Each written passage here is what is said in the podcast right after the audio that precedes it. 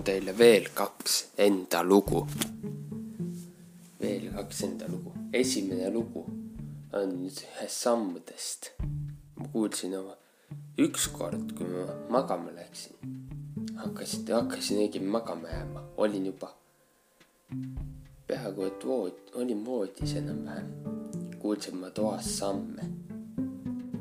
sammud läksid umbes kesktoa vahetoa keskpaigast minu toa ukseni ja tagasi. niimoodi umbes kaks korda. ehk siis põhimõtteliselt läksid need sammud.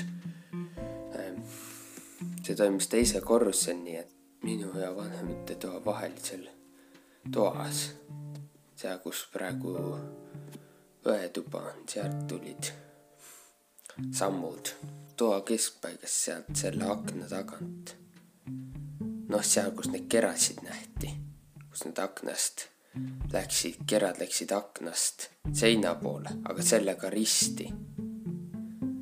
Läksid sammud nüüd, hiljem, mitu-mitu aastat hiljem. Läksid sammud, kõndisid minu toa ukseni ja läksid tagasi sinna, kust nad tulid, kes, toa keskpunkti. ja niimoodi vähemalt kaks korda toa keskpunktist minu toa ukseni ja minu toa uksest tagasi toa keskpunkti ning uuesti samamoodi. kuid viimase korra, kui nad läksid, see on mingi teine või kolmas kord, läksid sammud minu toa ukseni ja jäid sinna, tagasi ei läinud. ma läksin muidugi vaatama, kes see kõnnib seal nii hilja ja kedagi ei olnud näha, mitte kedagi ei olnud samme oli kuulda, aga kedagi ei olnud. kedagi ei olnud näha. kõik nad, kõik olid magama läinud, aga ma kuulsin ikka samme. kõik, kes ma nägin, olid voodis. kõik olid voodis, vanemad, õde, vend ja nii edasi.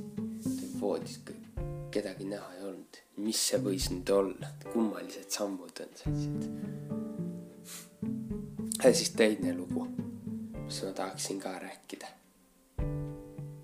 peale selle on mul üks lugu veel, kolmas lugu on ka, aga seda ma täna ei räägi. too tuleb kolmandasse osasse. too pole minu lugu, otseselt. too on ühe õe sõbranna lugu. aga teine lugu ühel hilisel augusti õhtul sõitsime jalgrattaga ning sattusime mingi vana garaaži juurde. noh, seal kusagil, mis see oli äh,? Vellavere või? Vellavere, ei olnud Vellavere, Pitipalu, Pitipalu matkaradade taga kusagil, Illi järve, Illi poole minnes, sealkandis. mingi vana garaaži juurde seal olid need kaks ust, üleval oli rist, kahtlustan, et tegemist võis olla surnukuuriga. ühel küljel oli kolm akent, teisel küljel oli garaaži uks, tõenäoliselt olid teisel pool veel kolm akent ja taga võis olla veel midagi. peal oli väike aken ja selle kõrval puidust rist. Majast kaugemas nägin, et garaaži ees seisab mingi must auto. Et inimesed kannavad kirstu majast autosse, kui, kui ma majani jõudsin, siis ei olnud seal kedagi. viirastus või äkki? On see mineviku pilt, kunagi tehti, juhtus midagi sellist.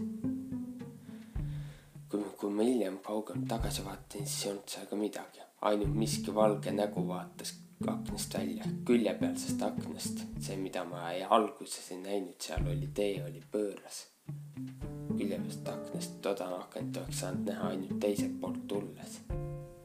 mingi miski valge nägu vaatas aknast välja ja seal oli mingi valge udu oli seal sees.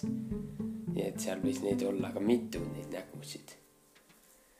nägin ühte nägu, aga kui nad sai mingi valge udu sees, siis seal võis olla neid veel. Ja siis ma sõitsin sealt edasi. selline lugu mul sõitsin edasi seal. ei julgenud sinna liiga kauaks pisima jääda. see igatahes oli midagi paranormaalset. Need olid mingid, need võisid täitsa vaba kinged olla tegelikult, kes seal olid. kunagised hinged, kunagised inimeste hinged. kuid ühe loo jätan märgmiseks korraks. Sest see ei ole päris minu lugu. see on ühe minu õesõbranna lugu ja seda ma ei taha enda lugudega kokku panna.